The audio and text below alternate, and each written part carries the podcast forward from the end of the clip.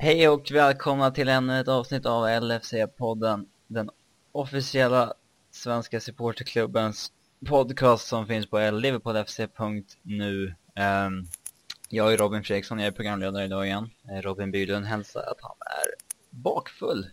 och, han skrev ju det. Eh, och um, med mig har jag Viktor Fagerström och Fredrik Eidefors. God jul. Så, ja, som senast helt enkelt. Um, ja, ska vi hoppa rätt in på det? Vi mötte Arsenal häromdagen. Um, tog ledningen. Tappade till 1-2, del 2-2. Kan ju börja från, um, från uh, laguppställningen så här. Vi, mm, ni hade rätt. Vi, vi fick se Brad Jones i mål igen. Um, rätt, fel. Hur länge kommer det han fortsätta i mål? Inte länge till. Gör inte? Nej, alltså som de påpekar, jag tror det var både Carragher och eh, Craig Bellamy som påpekade i deras ja, respektive studio, alltså att åtta skott på mål och fem insläppta på två matcher är... Nej, det, det kommer inte hålla i längden. Men man visste ju vad man ställde i kassan.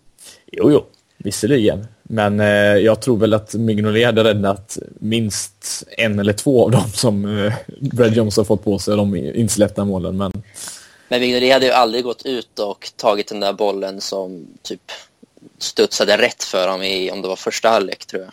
När han klev ut från linjen och rensade framför Giroud mm. eller det var. Det hade ju aldrig Mignolet varit ute på. Det är synd att, vi måste att de måste eh, komplettera varandra, två stycken målvakter, att du inte har ja. en som kan göra både och istället. Men, eh... Nej, men jag kan inte heller se att Jones ska fortsätta länge till. Han har fått sin lilla Två eh, matcher tog det.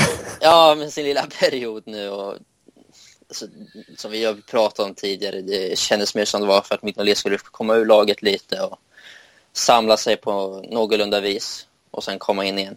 Jag tror inte... Vi får inte se Jones till sommaren direkt, det kan jag aldrig tänka mig. Det är inte så, så att... Uh, det blir ingen press på Mignolet när Jones kommer in och gör bort sig. Det blir Nej. lite kontraproduktivt kanske. Uh, Men det blir ändå ökad press i och med att man byter målvakt. Alltså att det är på grund av form, eller vad man ska kalla det. Mm. För det är skillnad om det är en kuppmålvakt som kommer in i kuppen och spelar där och sen byter man tillbaka i ligaspelet igen. Men vi har ju verkligen gjort ett byte för att det inte har funkat. Och kommer han då tillbaka så kommer han att vara ganska sugen på att göra bra ifrån sig. Eller knäckt. han verkar vara en smart kille. Han är väl, kan väl prata hur många språk som helst och sånt där. Ja, men han kan det. lära sig språk har det ingenting med. Ja, men han har ju huvudet med sig. Han kan det. Ja, sure. Framför Jones då. Vi fortsätter med trebackslinjen. Den så ja, framgångsrika mot Bournemouth och eh, dels mot United kanske. Eh, men Dejan Lovren blev skadad mot Bournemouth eh, så vi spelade alltså med Sako, Skertel och Colo Touré. Tyckte Lä ni att det eh, fungerade? Var det rätt att fortsätta med trebackslinjen? Ja. Ja, det tycker jag. Det som fördelen med att spela trebackslinjen är ju då att vi får in att vi får mer offensiva spelare helt enkelt. Eh, och som det ser ut nu så spelar det ingen roll om vi släpper in mål utan vi måste ju börja göra mer mål och det har vi ju gjort nu liksom. Vi har gjort två på Arsenal, vi gjorde tre mot Bournemouth.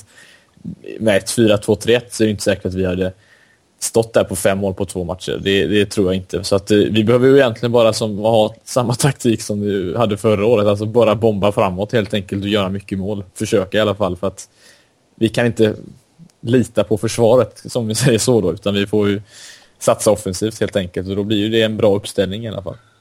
Mm. Hur tycker... Ja, kör du. vad skulle du säga, Viktor?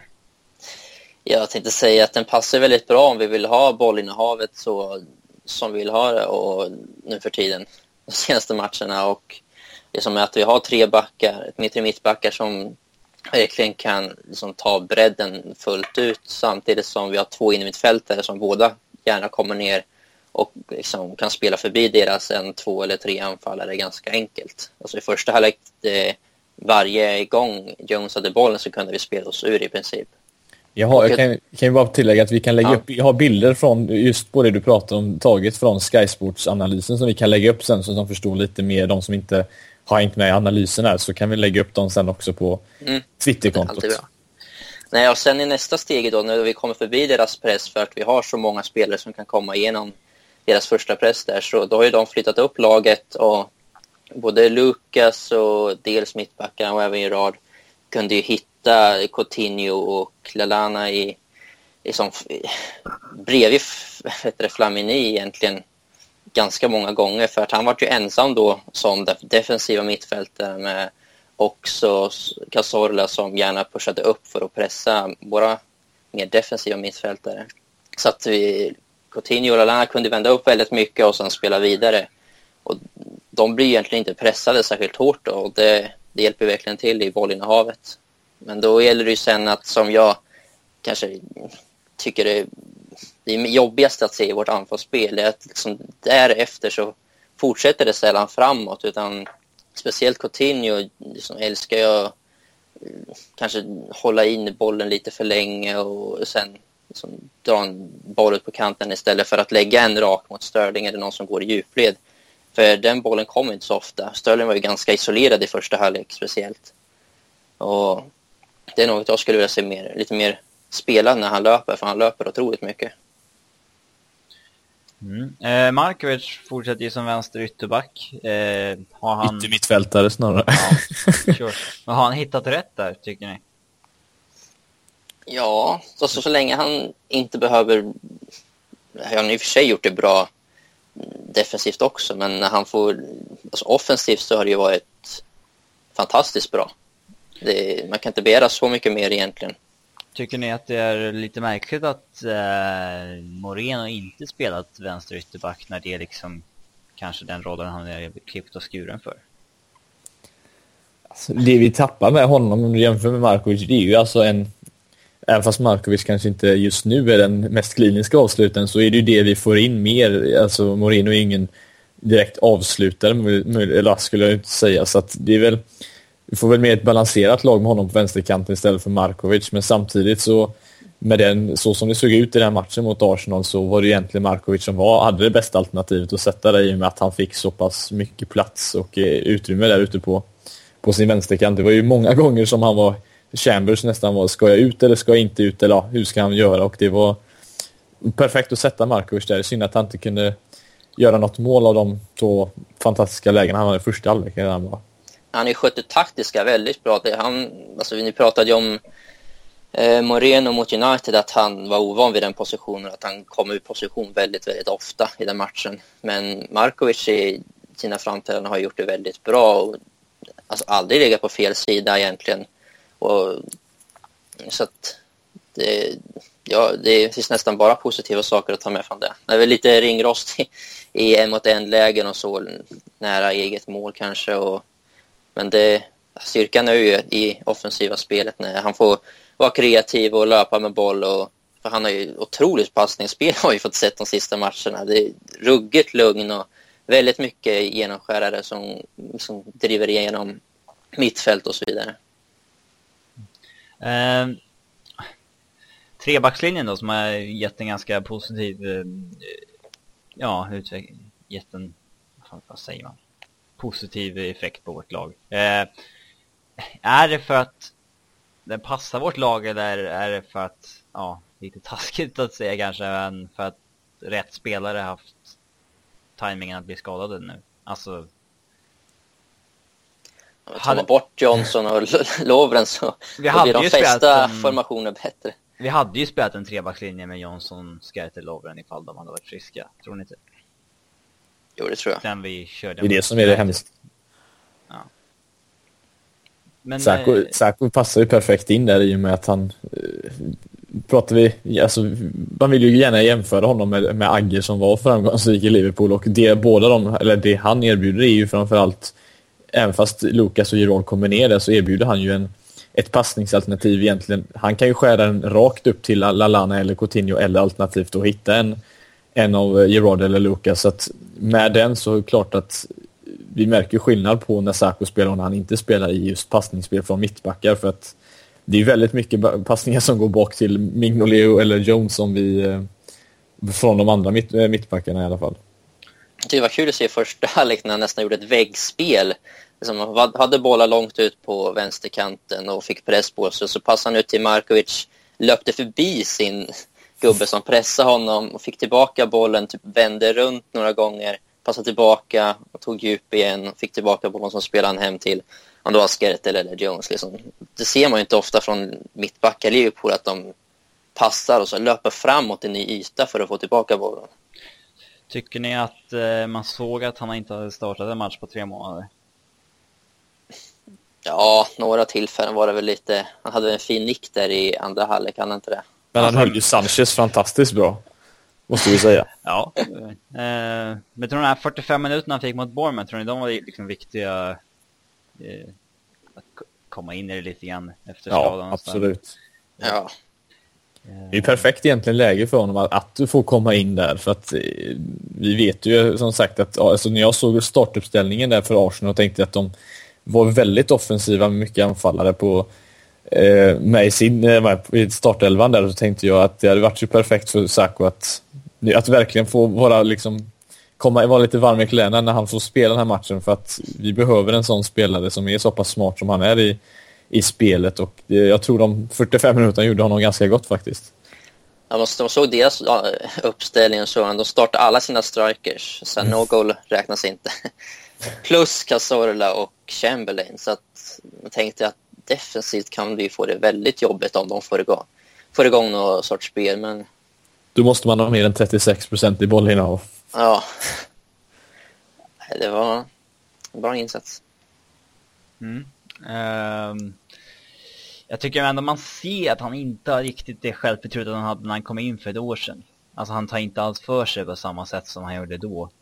De här passningarna som klassas som ganska avancerade som han ändå gjorde en tio gånger per match och lyckades nio gånger. De ser man kanske en gång per halvlek nu. Uh, och uh, jag vet inte om han är tillsagd att liksom vad han är tillsagd att inte göra eller vad, vad det är med honom som Rodgers inte gillar som han ska liksom försöka ändra på men uh, ja, han är inte riktigt samma det märks att han inte har förtroende liksom och, från tränarhåll och han, han har inte spelat mycket sen han kom till Liverpool men jag tror det är en blandning av båda. Ja. Men vi, vi alla vill väl eh, att han ska fortsätta i oavsett om det är trebackslinje eller fyrbackslinje eller vad, vad det nu blir. Ja, han kan spela, vi kan spela med en mittback och då ska han spela också. Alltid. det är fortfarande mycket... Det han är också en vattendelare, så och många som gillar honom och några som absolut inte gillar honom. Men kritiken är fortfarande så konstig tycker jag. Det är så här... Uh, de som gillar honom tycker att han är extremt spelskicklig. Den kanske liksom bästa mittbacken med bollen vi har sett under liksom i modern tid i Liverpool. Och de som inte gillar honom tycker liksom att han är, att det är hans största svaghet. Liksom. med en boll. Det är en sån konstig ja. vattendelare så, men det, är, är det är det väl bara... sättet han ser ut när han ja. gör det antar jag. Ja, är, är det, det spelar ingen roll ser... hur det ser ut. Han, är det bara för att han ser ut som att han inte har vuxit in i kroppen på sig själv? han ser ju verkligen... Han ser ju obekväm, alltså som man inte kan typ ha raka ben och armar samtidigt, utan de är alltid böjda. Liksom. ja, han har en egen stil, det kan vi ju säga. Som att han liksom leder är för korta i honom. Typ. Men det är ju ungefär så, alltså, tar man Matuidi som ett exempel, han ser ju, han ser ju ut att aldrig ha kunnat ha kontroll på bollen, men ändå så springer han där på mittfältet med världens bollkontroll och dribblar sig förbi. Det, så länge man lyckas så, så är det ju så, men det, jag antar att det, det ser väl konstigt ut för folk för att de inte ska fatta att han, att han helt enkelt är vår bästa mittback. Men, jag skulle säga att eh, Suarez har dålig teknik för det ser ut som att de ska ramla hela tiden. Ja. Han spelar på knäna. Ja, han är alltid på väg ner men håller sig kvar liksom. Ja. Um, Mario var ju avstängd här, så att vi hade ju inte så mycket eh, alternativ kanske att fortsätta med Sterling som ensam eh, forward. Um, börjar han växa in i den rollen? Tycker ni han ska fortsätta där? Ja, absolut. Det tycker jag också. Han erbjuder ju som sagt, precis som Stur Sturridge gör, alltså snabbheten. Det är ju det att han är inte bara en sån här typisk snabb kille som inte vet vad han ska göra med bollen, utan han, han är rätt smart på att hitta löpningar och mellan mittbacken. Det är synd att han inte riktigt, som sagt, får de bollarna. För att som Victor sa det med Coutinho så kanske han skulle lagt några bollar lite mer i djupled än att lägga dem helt enkelt eh, ut på kanterna. Men han erbjuder ju någonting som vi inte får med Lambert eller Balotelli. Så att... Djupledsspel. Ja. Ja, men skulle vi ha startat Lambert istället mot Arsenal, då hade ju deras mittbackar kunnat flytta upp och hela backlinjen dessutom. Och då hade ju Lallana och Coutinho inte fått de där ytorna framför backlinjen och innanför deras ytterbackar. Och Flamini hade ju haft ett mycket enklare jobb att fiska upp dem. Och så att, att bara ha en spelare som löper djupet så pass mycket och så pass rätt tycker jag också att han gör. För alltså, det, det hjälper ju hela laget från, ända från när mittbackarna har bollen egentligen. Det fanns en situation i första halvlek där Mertesacker, såg jättelustigt ut, men han följde ju med någon upp på Liverpools planhalva när Flamini helt enkelt droppar ner som en mittback. Eh, det är ju lite det, med Lambert där uppe så, så står ju han där uppe. Det, det blir inte så mycket rörelse, men Sterling rör sig överallt och kan ju helt enkelt ta med sig försvarare och det, det öppnar ju upp ganska mycket så att eh, vi, vi hoppas väl att han får fortsätta spela där och kan hitta någon bra kombination med Sturridge möjligtvis. Mm. Ehm, um, Borini hoppade ju in uh, en vända och, ja. Uh, Markovic vända. Ja, uh, han drar ju på sig ett gult kort i 89 tror jag, i, liksom i frustration när uh, han inte får ett inkast med sig som han ska ha. och sen så är han ju ja, övertaggad i någon annan situation och sett Dobban i bröstet på Cazorla som skär upp hans tröja så han börjar blöda på bröstet till och med. Så det var inte så mycket att snacka om kanske. Liksom. Det är klumpigt, eh, klumpigt andra gult liksom. Var, eh, men var det det sista vi, vi såg av honom i Liverpool tror ni? Jag har svårt att se att han... Jag hoppas det för alla involverade. Han tjänar väl ingenting på att tvinga sig kvar längre? Han kan ju inte vara, inte ens han kan vara nöjd med att han stannar kvar alltså. Det, det, det kan han inte vara. Hur många matcher har han gjort liksom? Två, tre? Ja, det är inte mer än fem i alla fall. Och inte om man, det är inte fem 90 minuters matcher. Ja, ja. något sånt. Uh... Och knappt, han har inte ens knappt varit på bänken, han har ju knappt varit med liksom på matchdagen och ens varit med laget. Så jag vet inte hur nöjd han kan vara med den tiden. Tror ni fortfarande vi kan få något bud liksom på över 10 miljoner pund från honom? Jag tycker att hans värde måste liksom... Det, det känns så jättesvårt alltså. Men det är inte så långt i, alltså, när han ändå inte får det är inte så att han har spelat katastrofalt dåligt i två månader utan han har inte fått spela och då kanske han bibehåller sitt värde på något sätt eftersom det inte visst han får inte spela men det kan ju bero på att han är förbisedd av tränaren eller så. Det behöver inte betyda att han är en, alltså, gått ner sig fotbollsmässigt. Jag får vi typ... mer än vad vi köpte honom för så är det ju något som inte stämmer. Ja, men 10 miljoner pund är ju taget.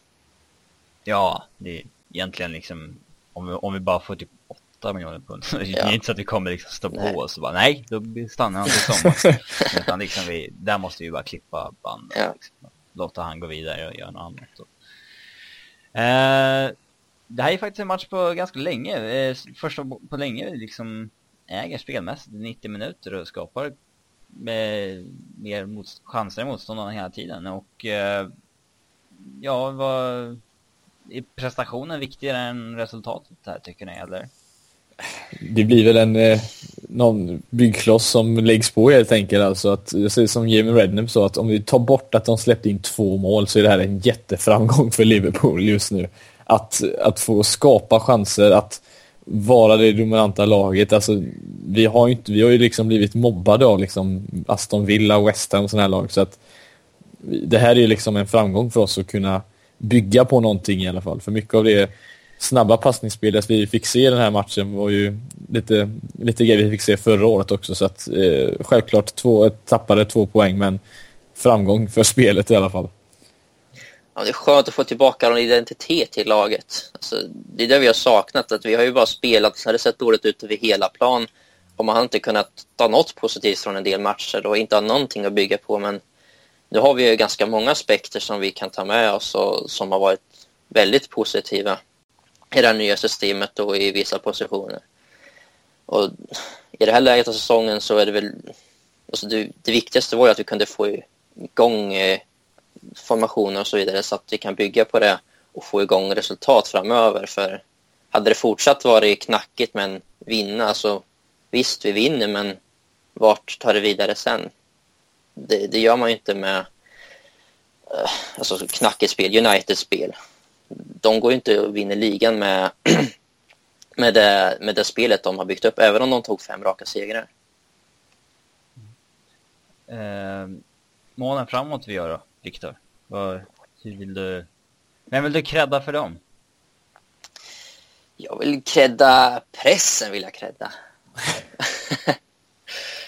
pressen? Det... Media alltså? ja, precis. Drevet. Mm. Även första är det ju mycket av pressspelet och att vi jobbar in den. Kolo är långt uppe på motståndarnas planhalva och vinner boll i deras uppspel. Eh, Henderson drar förbi bollen, spelar snett bakåt till Coutinho som eh, gör det så fint som han kan. Bara stanna bollen liksom så inomhusmottagning med, med sulan och sen gör ett litet tryck och sen pang i stolproten. Pang och pang, men... Ja, men det var fint. det var ju ett sånt här Coutinho-skott alltså som, han, som gick in den här gången. Mm. Ja, det var väl ett av fem eller någonting ja. i matchen. Uh... Vad hände? Nej, men det var, första målet var ju, det var ett, alltså, ja, det var ett, fint det var ett riktigt mål. Ett mm. riktigt fint mål. Jaha. Vad, eh, vad hände efter det då? Minuten senare, Eidefors. Ja. En hörna emot oss va? Eller är det frispark? Nej, frispark. frispark. Ganska Jävla onödigt. Gerard.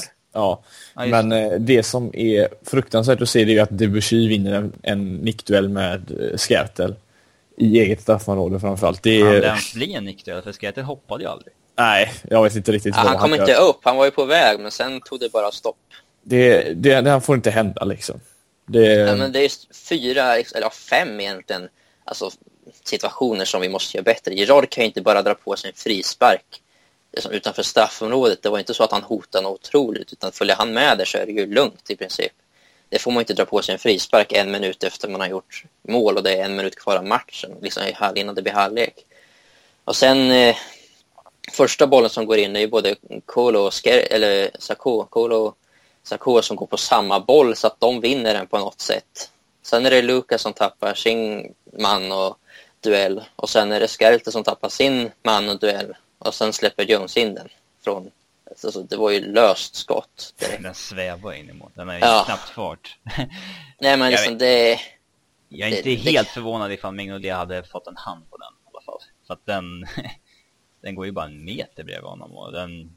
Nej, men det all, var alldeles för dåligt ja. på alldeles för många ställen. Ja. Eh, andra halvlek. Eh, vi fortsätter väl egentligen liksom spelmässiga dominansen där, men eh, Mm, de har en farlig strike i Giroud. Vad är det som händer på deras ledningsmål? Ja, vad som händer är ju att du har tre mittbackar som är skit fullständigt i att du har en, eh, en anfallare som gärna vill avsluta där inne, men den som gör fel är ju Skertel. Eh, Sacco ska ju täcka upp det som är bakom, men Skertel du har en som täcker upp bollen, det vill säga eh, Kolo som ska försöka täcka in passningen och sen har du då Skertel där inne som bara har en sak att göra och det är att täcka Giroud. Men eh, ja. Alltså, K har ju några pratat om också, att han har ansvar i det målet, men Ja, det är alltså, så. Jag, jag tycker att Kolo, Kolo är den som ska täcka inspelet. Skert är den som ska... Han behöver inte vara på Giroud, men han ska verkligen kunna täcka den ytan, för han är så pass nära som han som slår in spelet att det ska inte finnas en lucka att få in den där. Och så Kog hamnar... Han går ju först fram för att på något sätt gå mot Giroud där. Men sen backar han av för att det kommer, jag, kommer inte ihåg vem det var, Narströms spelare som går på bortre och går han då upp där mot Giroud och tar det steget, då är det bara att eh, han som slår in spelet lägger den rakt över mållinjen bara så kommer den på bortre. Så alltså Skertel har helt klart störst ansvar i det. Och sen kan man vi... säga vad man vill om Gerards Hollywood-passning som bryter och kontrar på också. Men visst känns det som att vi släpper till väldigt många sådana typer av mål, det vill säga snett in i... Alltså det är ju där, det, kollar man i modern fotboll idag så många lägger, gör ju mål på det sättet att de lägger den snett bakåt så kommer någon enkelt in i boxen. Det känns som vi aldrig gör sådana typer av mål utan vi lägger dem ju alltid då. Det var ju samma sak mot United 1-0 målet. Ja, det är liksom, vi bara tänker boll hela tiden. Det känns som att vi släpper in alldeles för många sådana. Det är ju bara att slå en snett bakåt bakom vår back, eller liksom bakom ja. vår backlinje för att det det finns ju ingen defensiv mittfältare som gör sitt jobb i Liverpool någon gång, oavsett vem som spelar. Så att, eh, ytan, bak, äh, ytan bakom snett inåt bakåt kommer ju aldrig täckas upp av Gerard eller Lucas liksom. Så att, äh, ja. Eh, nåja. Men Skertel, han, eh, visst han är ju grovt inblandad i två mål bakåt, men han, det är ändå han, han som kvitterar sen i 97. På hörna? Mm. Eh, jag fattar inte det där varför lagen ja, inte vill ha spelare på stolpen eller varför spelarna springer iväg från stolpen när väl eh, avslutet ja, ska komma. Men eh, det tackar vi för Kieron Gibbs. Fruktansvärt dåligt försvarsspel på den hörnan alltså, från Arsenal. Han har ändå visat, i fjol gjorde han sju mål ska jag eller han visat, han har ändå visat en förmåga att liksom ta sig till lägena offensivt på liksom fasta och sånt där. Men han hade ju läget, jag hade för han hade väl någon läge tidigare i matchen också i nästan samma grej. Bollen kom på samma yta och han kom i, i fart men fick inte dit nicken ordentligt. Och det så. finns ju vissa liksom mittbackar som man... Jag menar, Sakho har ju inte varit... Jag tror han har varit... Han har vunnit en offensiv nykterhetsduell han gick i stolpen mot Spurs borta i fjol. Utöver det så har inte han liksom i offensiv box visat någon instinkt att komma på rätt ställe liksom. Ja. Uh, Kolo började väl sin Liverpool-karriär med att nicka i stolpen fem gånger och sen har han inte haft bollen där längre.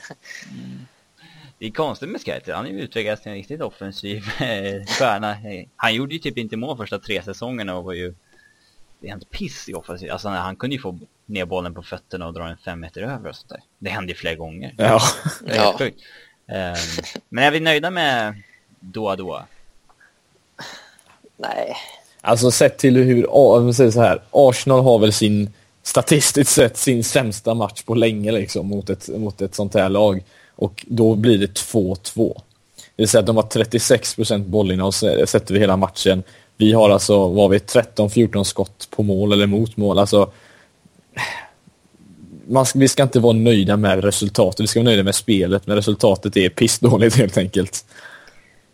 Ja, det, det blir mål alldeles för lätt igen. Alltså, sätter vi hela matchen, hur många lägen släpper vi till egentligen på grund av att det, alltså att det är dåligt försvarsspel? Det är inte många. Och vi var ju som sagt väldigt dominanta. Vi hade 63-65 procent bollinnehav beroende på vart man kollar upp statistiken och 27-7 i total, total avslut under matchen. Alltså det, det, det känns som en riktig fotbollmanager-match, ett tv-spel. Att det, alltså det är sånt där, nu, nu, nu, nu la spelet ner, nu, vill inte, nu får man inte vinna mer. Men nej, det var det ska ju vara en seger, men ändå väldigt, väldigt viktigt att vi fick in kvitteringen där.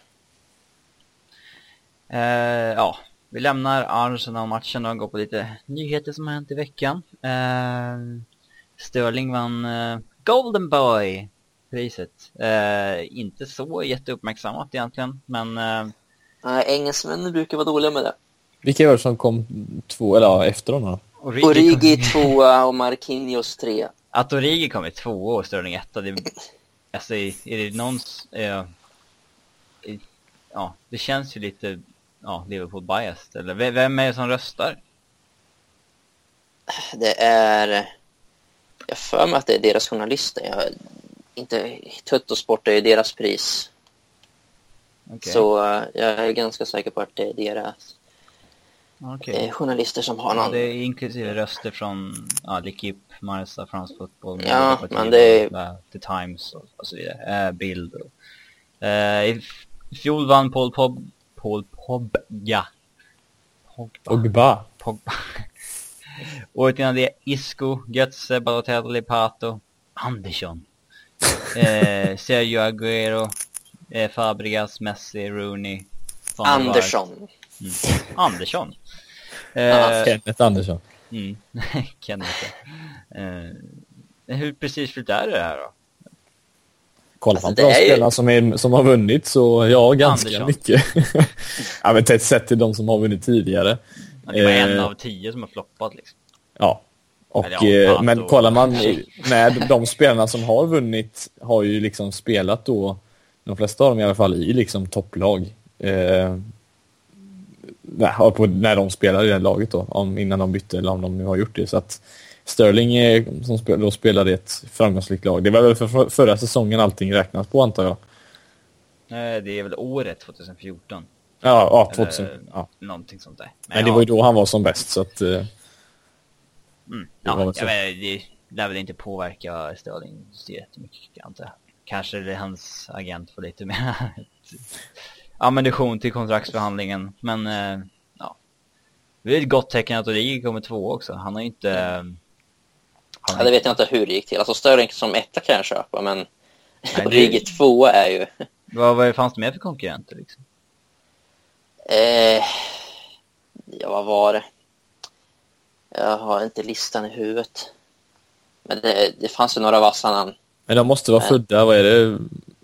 Hur gamla måste de vara? Eh, under 21. Eh, mm. Under 21. Så inga födda... Ah, är det till 90, 21? Eller? Nej, ja, 92. 93 då är ju 21 år. 21. Mm. Men det beror på när de fyller. Mm. Kanske. Jag vet inte för tusan. Ja. Men eh, det är ju ja, det är kul att två Liverpool-spelare helt enkelt. Nu var inte Liverpool-spelare Origi ja, under året som sagt, men kul för Sterling i alla fall. Det, vi vet ja. ju redan vad han kan erbjuda, vad, hur bra han kan bli nästan i alla fall. Uh, ja, på tal om Origi, det dök ju upp en artikel för några dagar sedan i, från ganska pålitliga franska, vad heter de, AFP? Eller, uh, AFP tror jag stämmer. Ja, eh, som sa att Liverpool kommer köpa loss Origi i januari för 6 miljoner euro. Eh, jag står väl ganska fast vid att det vore dumt. Eh, jag tror du, Victor, vill inte heller hit Origi. Eh, nej. Vart står du, Fredrik? Nej, alltså... Nej. Det, det, vill jag inte, utan låt honom spela kvar. Nu vet jag inte ifall det stämmer, men det, vissa skriver ju att han har blivit utbuad av sina fans. Det känns ju inte heller jätteroligt. Och... Det härdas han bara av. Ja, men jag snackade med någon kille på Twitter som följde dem, alltså deras varje, varje match och han sa mer att det var att de buar mot laget för att det har sett så dåligt ut på senare tid. Och inte, de har ju typ inte gjort just, mål i hela ligan. Ja, de ska vara väldigt osexig, osexigt lag där. Så, nej men det, kända för det har jag hört i alla fall. Ja. ja. Det vore ett, ja, alltså 6 miljoner euro för att få loss någon fyra månader i förtid, det är ju ett enormt pris. Ifall det skulle, alltså bara rent ekonomiskt, det är ju det är inte Zlatan vi lånar året ut. Um, alltså liksom i lånesumma liksom, om man snackar så. Men, uh, ja, vi släpper den punkten direkt. Uh, Sami Hyppie avgick ju för eh, Brighton häromdagen. Eh, och då tänkte jag alla, ja, nu har vi våran eh, defensive coach. Men du Viktor, du var jättearg, du vill inte alls ha honom. det vet jag inte jag var. Varför vill du? Jag var bara frågande. Löpte amok. Första, så fort jag, jag såg att, eh, jag kom in på Twitter och så hade han... Alla hetsade om det här. ja, det var otrolig hets om att, ja men bra, defensive coach, defensive coach, defensive coach till Liverpool. Överallt. Och jag bara undrar, vad har han gjort som är så bra Nej. defensivt som tränare? Jag vet inte, det handlar ju om att han har spelat mittback för Liverpool. Den... Han har ju för sig haft, fick jag höra sen, han gjorde det ganska bra i, i Leverkusen med att ha typ andra och tredje bästa, alltså minst, ins, minst insläppta mål i ligan. Och, och det är ju positivt, men alltså, det är ju skillnad på att ha kontroll över ett helt... Ja, det vet jag tusan. Men det är skillnad att ha ett helt lag att styra över filosofin och formation och signings till en del, liksom, del sådär. Och att bara komma in och säga, ja men nu ska du jobba här under 3-4-3 och få igång ett försvarsspel som funkar. Nästa vecka är det 4-4-2 igen. Ja, ja nej men det, alltså det hör ju inte bara till att få igång ett försvarsspel i sin egen formation och spelsätt utan det ska ju funka när vi pressar högt och det ska funka när vi byter formationer som ni säger och det, det är en helt annan grej. Det skulle ju behövas någon, eh, det är nog alla överens om, som kan bara gå in med lite grunder i försvarsspelet, sätta lite ramar, att så här jobbar vi oavsett motståndare och så liksom, utan för just nu är det ju ja, fyra individualister som gör lite som de vill liksom. Eh, det finns liksom ingen gemensam taktik, vad man ska kalla det där bak, men eh, hade bara Brightons manager avgått efter 30 insläppta på 22 matcher så hade ju inte om han inte hette Sami Hyppie så hade ingen skrikit efter att där har vi våran defensive coach liksom. Utan det, personligen så skiter jag fullständigt i vad coacher har gjort som spelare tidigare men uh, vart, vart står, står ni där liksom? För det här, allt det här handlar ju om att han spelat mittback för Liverpool. Ja, det känns verkligen så. Det, de, var ligger, de ligger nu i, i ligan, det är väl 22 av 24. 30 Mång- insläppta på 22 liksom. Det är... det är- Många skriker också efter Carragher i en sån här defensive coach. Jag skulle personligen hata det. Men vad, vad skulle ni vad skulle ni tycka om en ja, en defensive coach vill väl alla ha. Men eh, eh, Det var frågan om det ska vara en tidigare, alltså om det ska vara en tidigare fotbollsspelare. Liksom, kollar man på Chelsea, vem är det som lägger upp det försvaret? Mer än Mourinho vet jag har en del av det att göra, men vem är det som styr och ställer i där? För att kan... deras massör kanske. Ja, möjligtvis. Ha lite Ja, bonus. men alltså, ska vi ha in någon, för, någon defensive coach? Inte för att, nu vill ju Rodgers inte ha det så att Nej, det, det kommer inte minna, det kommer inte minna ut i, i något till största sannolikhet men om man nu skulle vilja ha en, alltså, varför tar vi inte någon som har lite erfarenhet av det då i så fall?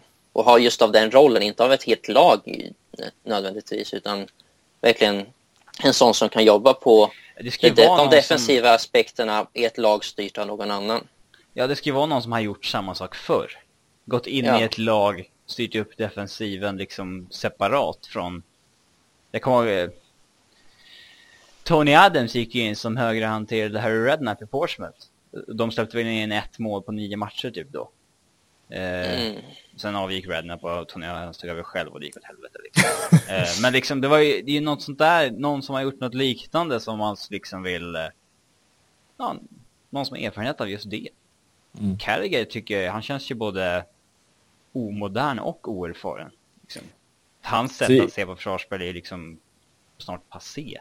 Och, Samtidigt eh, kollar man på honom i studion, det, alltså, nu vet jag att det är tv också, men alltså, han, ändå när han lägger fram sina grejer så känns det ändå som att han har koll på hur, alltså han, han vet ju hur han vill styra någonting. Sen om det är det är rätt, problemet det är Ja. med honom i studion. Det han har lärt sig är rätt och det han, han inte har lärt sig det är fel. Liksom, egentligen. det är, tar in han och Gary Neville kan väl komma in helt enkelt. Ja, vi kan väl ta duon där.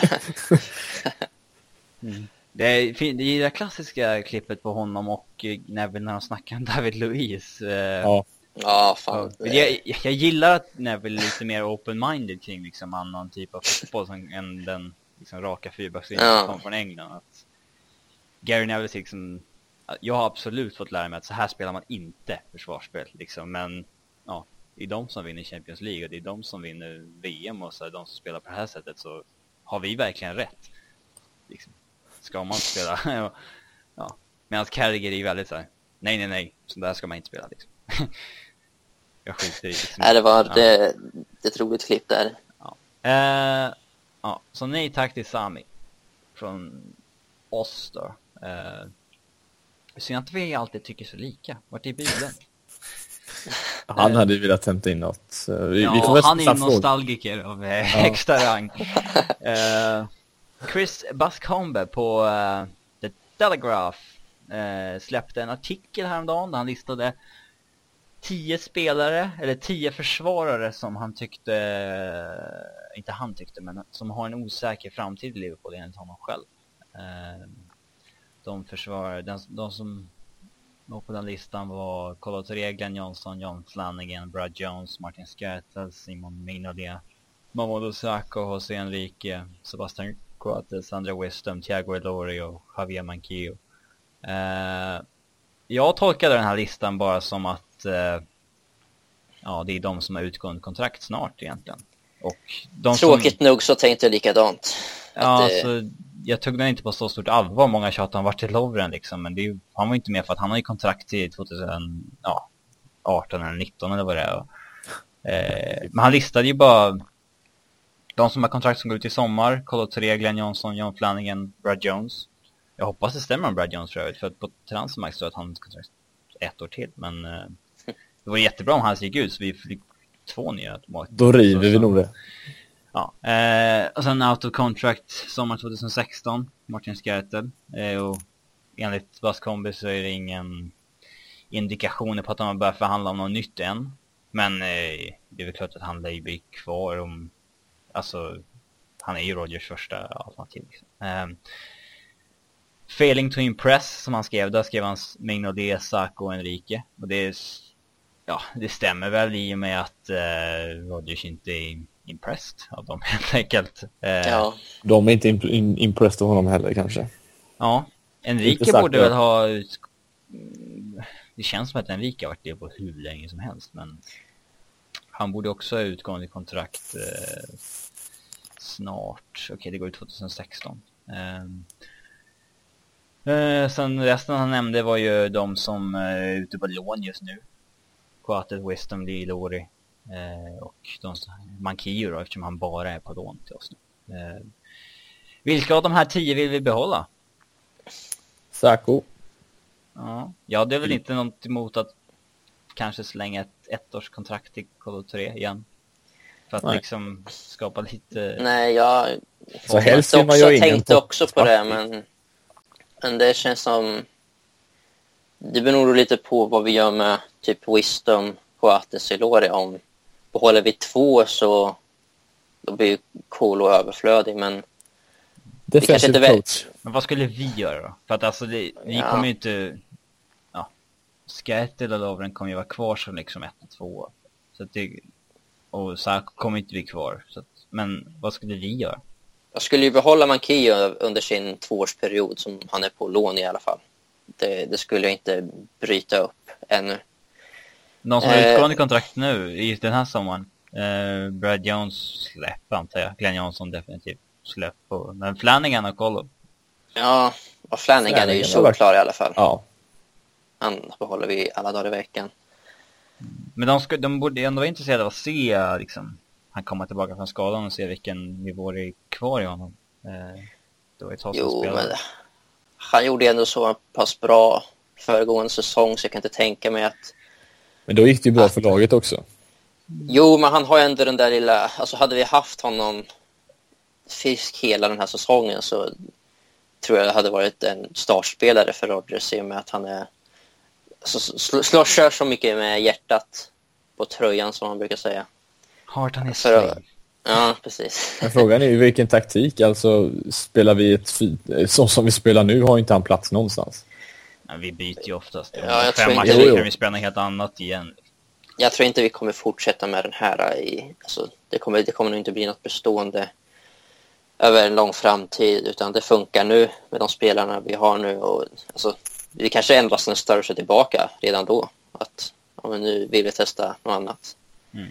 Ja. Så att, eh, men Flanagan, Sarko, Mankio, Ilore kanske, jag vet inte. Han har varit skadad så fruktansvärt mycket. Han har inte spelat. Han gjorde ju debut, eller debut, comeback för Borde. någon vecka eller veckor sedan och slog upp samma eh, lårskada igen i samma match.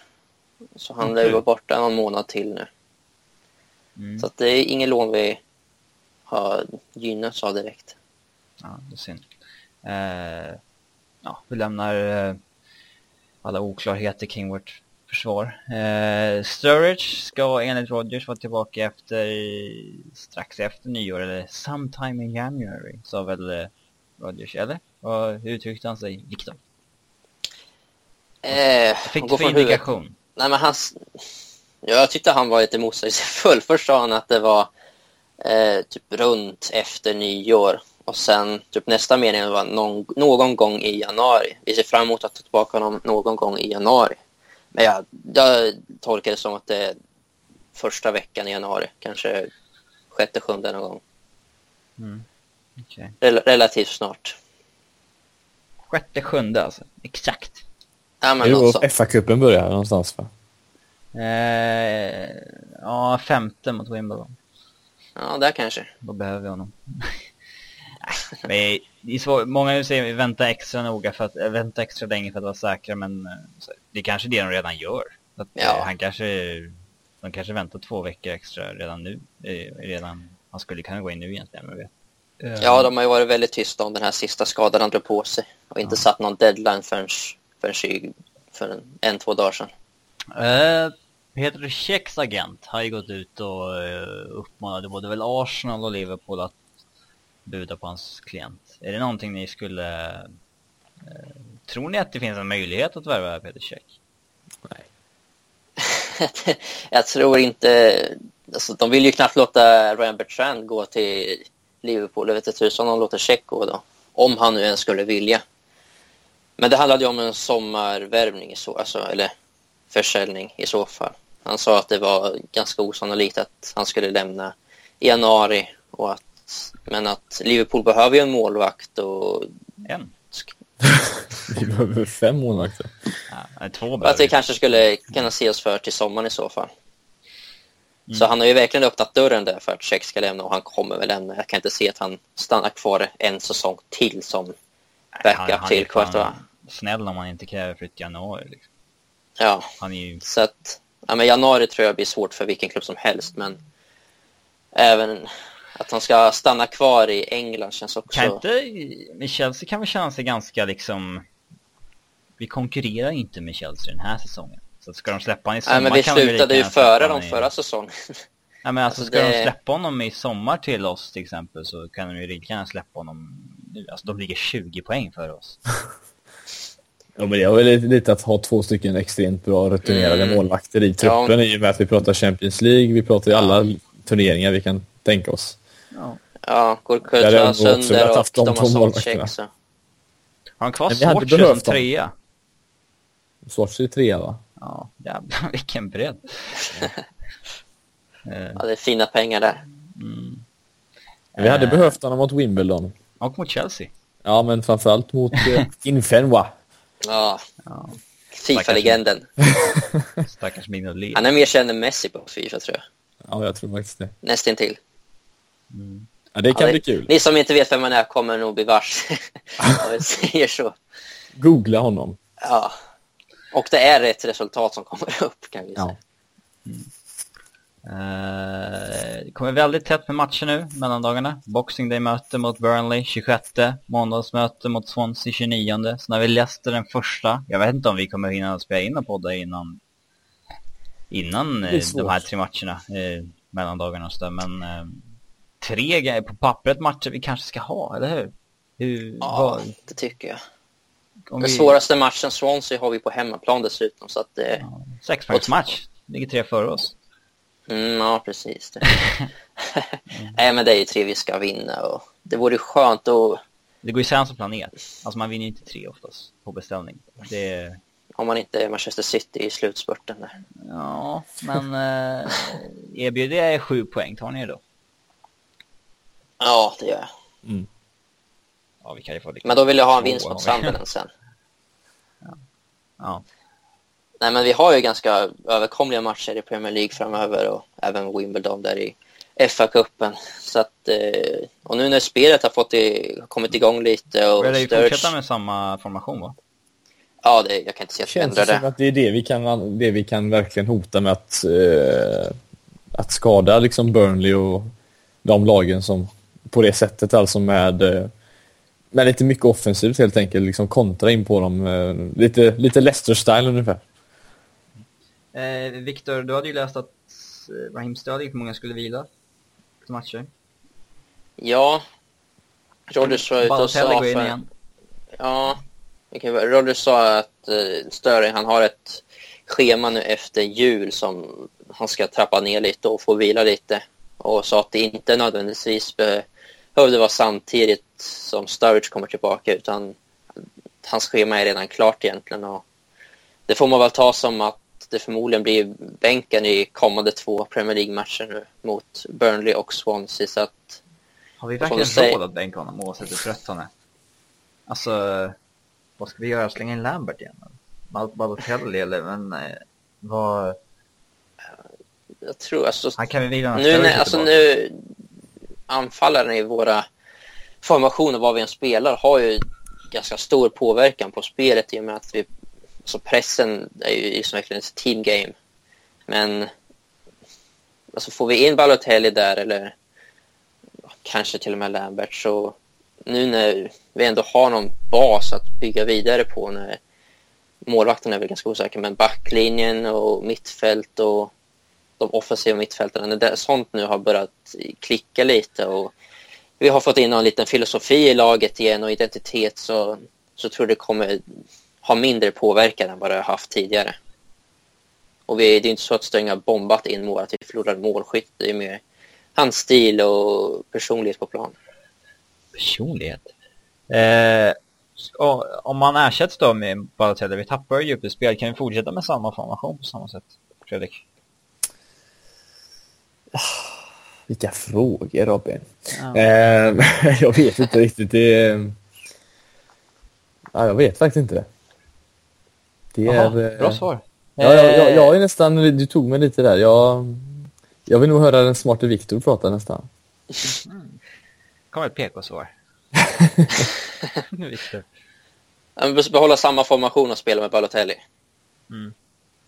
Funkar det? Känns svårt.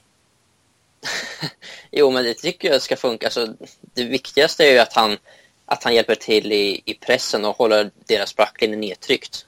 Att han inte kommer ner och möter som... Han kan, kan vi välja... pressa.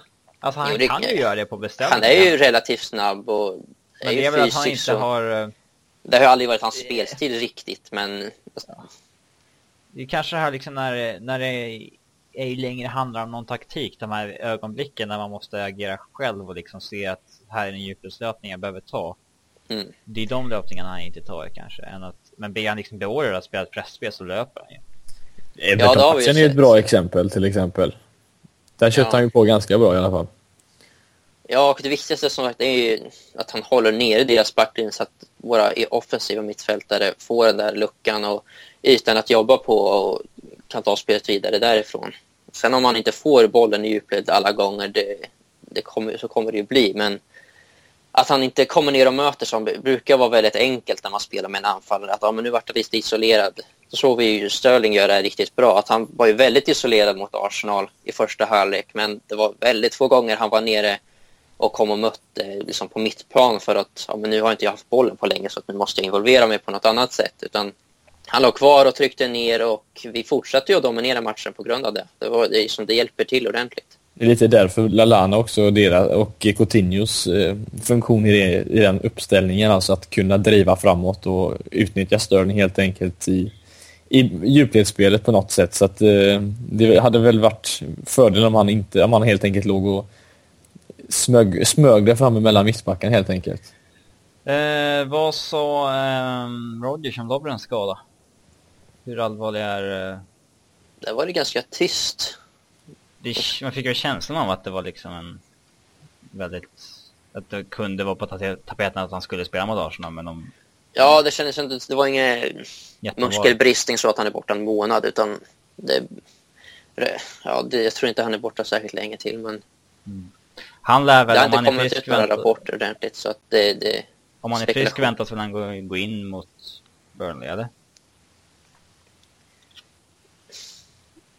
ja, jag, jag vågar säga nej. Men Hoppas. han är ju, ja. Så, ja, han har väl inte, han har ju tappat sin plats som första alternativ. Där är ju skrättet. Men mm. eh, att både Touré och Saka skulle gå före honom.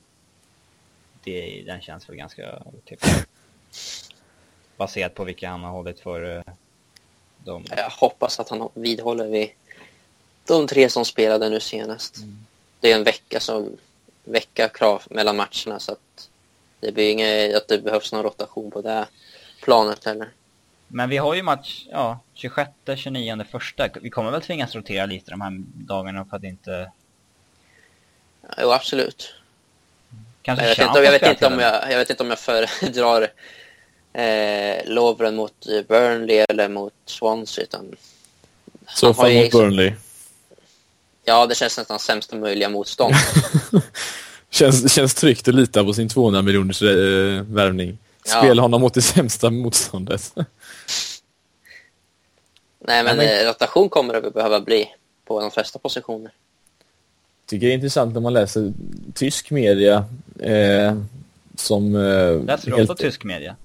Nej, alltså, det, alltså tysk media kommer ju fram eh, nyheter på Twitter helt enkelt. Eh, från Tyskland där redan, som, redan i morse kom ja, det, det är inte att... så att du sitter med liksom bild eller? Nej, det gör jag inte. Jag kan, jag kan läsa tyska, men jag kan inte prata tyska.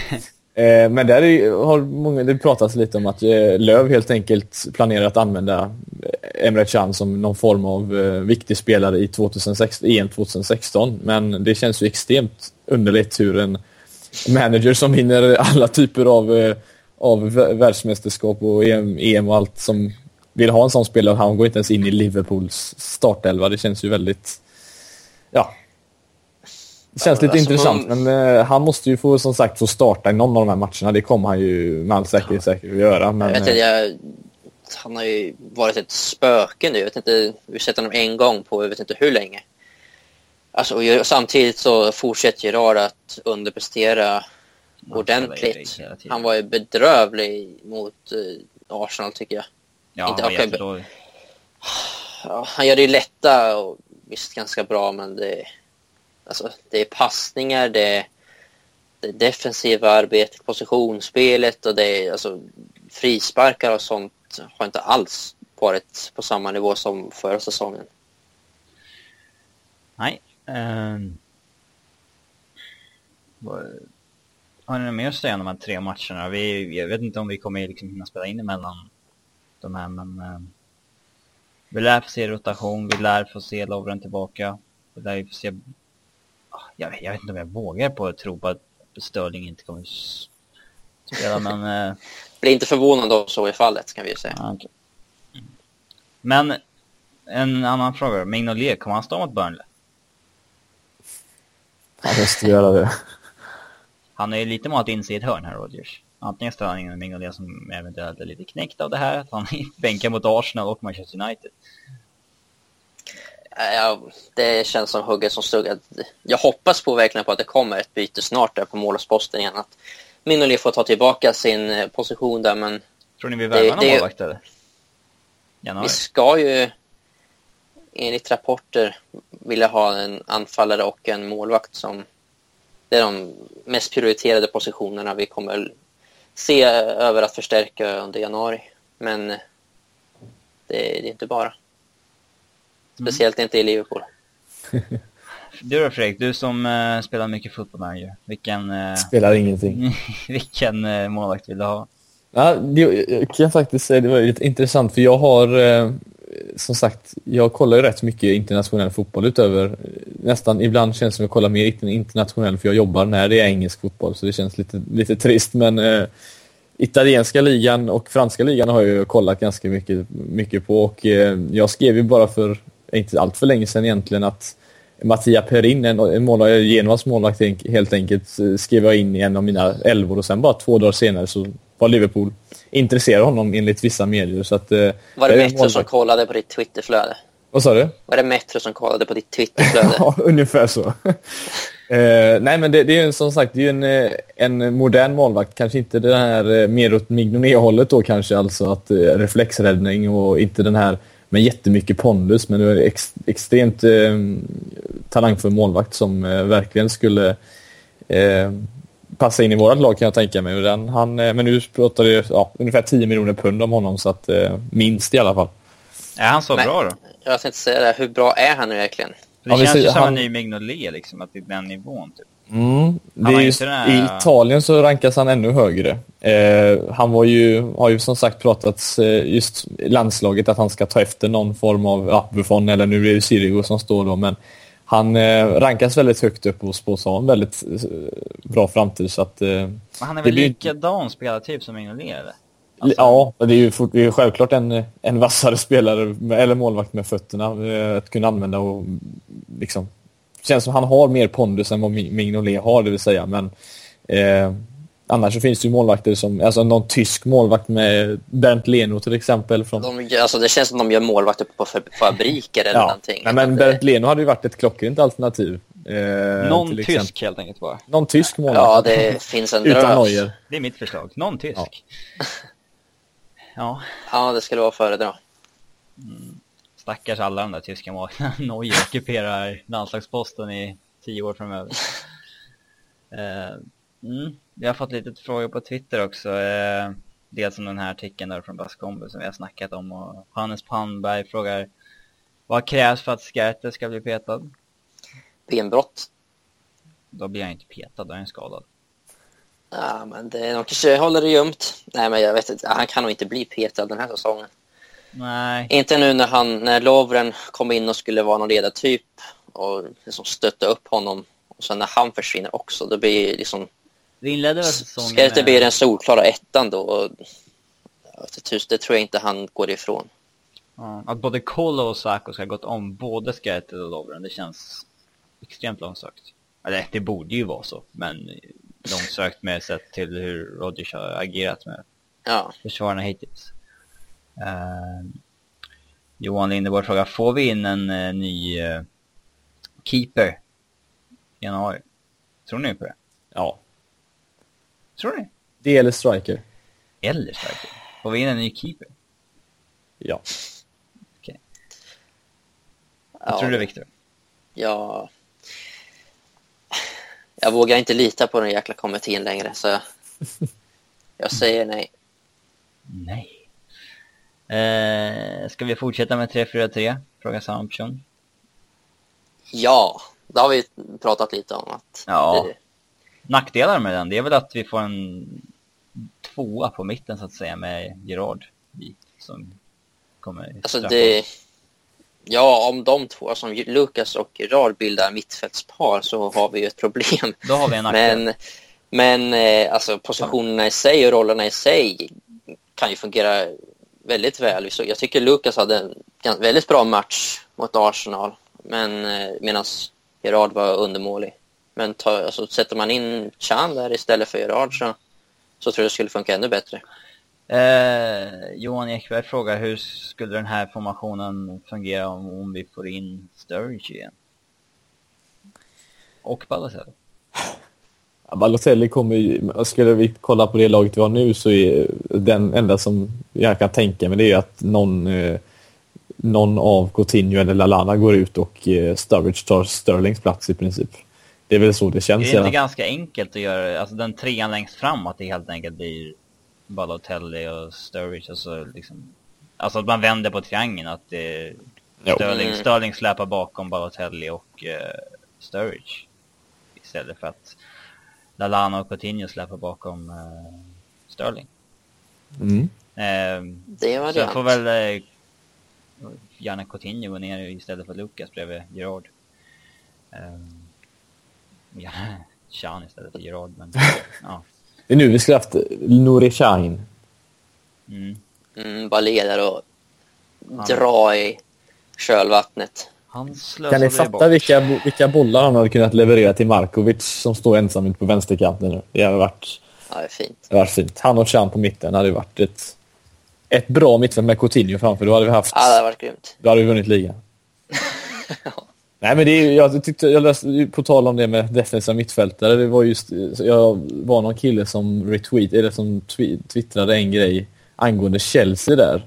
Och just med Matic, och det var ju att förra säsongen så släppte de in 19 mål Chelsea på 21 matcher innan Matic kom in. Och sen på 17 matcher släppte de in 8 stycken när han hade kommit in. Mourinho återgick väl till sitt gamla klassiska försvarstänk dock. Mm. jo, men alltså det, han, det är ju många som påpekar det ganska mycket nu. Det börjar nästan bli lite mainstream med den här defensiva mittfältargrejen liksom. Men kollar man hur viktigt en sån spelare kan vara för, för ett lag, alltså, det, är, det är inte en slump bara att de släpper in så pass lite mål. Det är inget eh, lag som har släppt in mindre mål än dem. Nej. Eller färre mål än dem den här säsongen heller. 13 insläppta på 17. Alltså 15 är börjat släppa in mål nu så att... Ja, de är på samma nu. Ja. Det var lite läskigt när de låg på fem insläppta på 13 matcher. ja, de har kommit ner på jorden lite. De har inte ens en Champions League-plats längre, den ockuperar West Ham. Nej, den oavgjort och så fyra raka förluster så vann de ju nu senast krossa hur mycket brukar, laget på andra sidan. Hur mycket brukar tabellen eh, skilja sig efter liksom, om man kollar halvvägs och sen kollar ja, helvägs så att säga i en för om två matcher har vi spelat halva säsongen. Det är möjligt att West Ham ligger kvar där på en Champions League-plats. Jag tror Arsenal, att lag, Tottenham, Arsenal, Liverpool, Everton utan. De kommer vi kommer ju att på något sätt att vi, alltså då pratar jag om de andra lagen också, eh, kommer ju troligtvis ta över den platsen. Det känns som att Arsenal kommer eh, göra som de brukar göra och hitta någon form av tio matcher utan förlust och sen plötsligt ligger de där ungefär. Mm. På tal om det här med hur mycket det brukar ändras från jul till säsongslutet så alltså, inget lag som har haft 22 poäng efter 17 matcher som, som Liverpool har nu har någonsin slutat bättre än sexa i Premier League. Vet. Kul. Alltså vid, vid den här tiden av säsongen, om någon har poäng. Liksom, så att eh, kul. Kul. Kul. Vi, vi har lite rekord att bryta där. ja. Men jag kan inte tänka mig att vi slutar. Alltså, Eller tänka mig kan jag väl, men... Sexa kan vi mycket väl sluta. Det känns väl nästan Ja, optimistiskt att säga kan kan vi, men jag, jag tror vi slutar sämst femma. Okej, Det var Jag tror inte både Tottenham och... Harry innebär att Kane vi får ett benbrott och så, sen är de körda. Då ska vi innebära att vi ska göra om eh, minst en av Arsenal och Tottenham alltså. Det gör vi ju. Det Han breakar det redan nu Robin. Jag breakar. Eh. Ja, det Okej. kan jag få breaka. Det, det är nästan så jag lovar. Men det, det känns, känner jag mig väldigt säker på. Väldigt säker på. Ja. Imponerande. Eh, ja, då tackar vi för oss då. Vi har spelat in, eh, har vi gått över timmen här så det är bäst vi lägger på. Men vi, eh, vi hörs efter nyår förmodligen. Jag, jag tror inte att det blir någon podd i mellandagarna. Så att, eh, hörs då.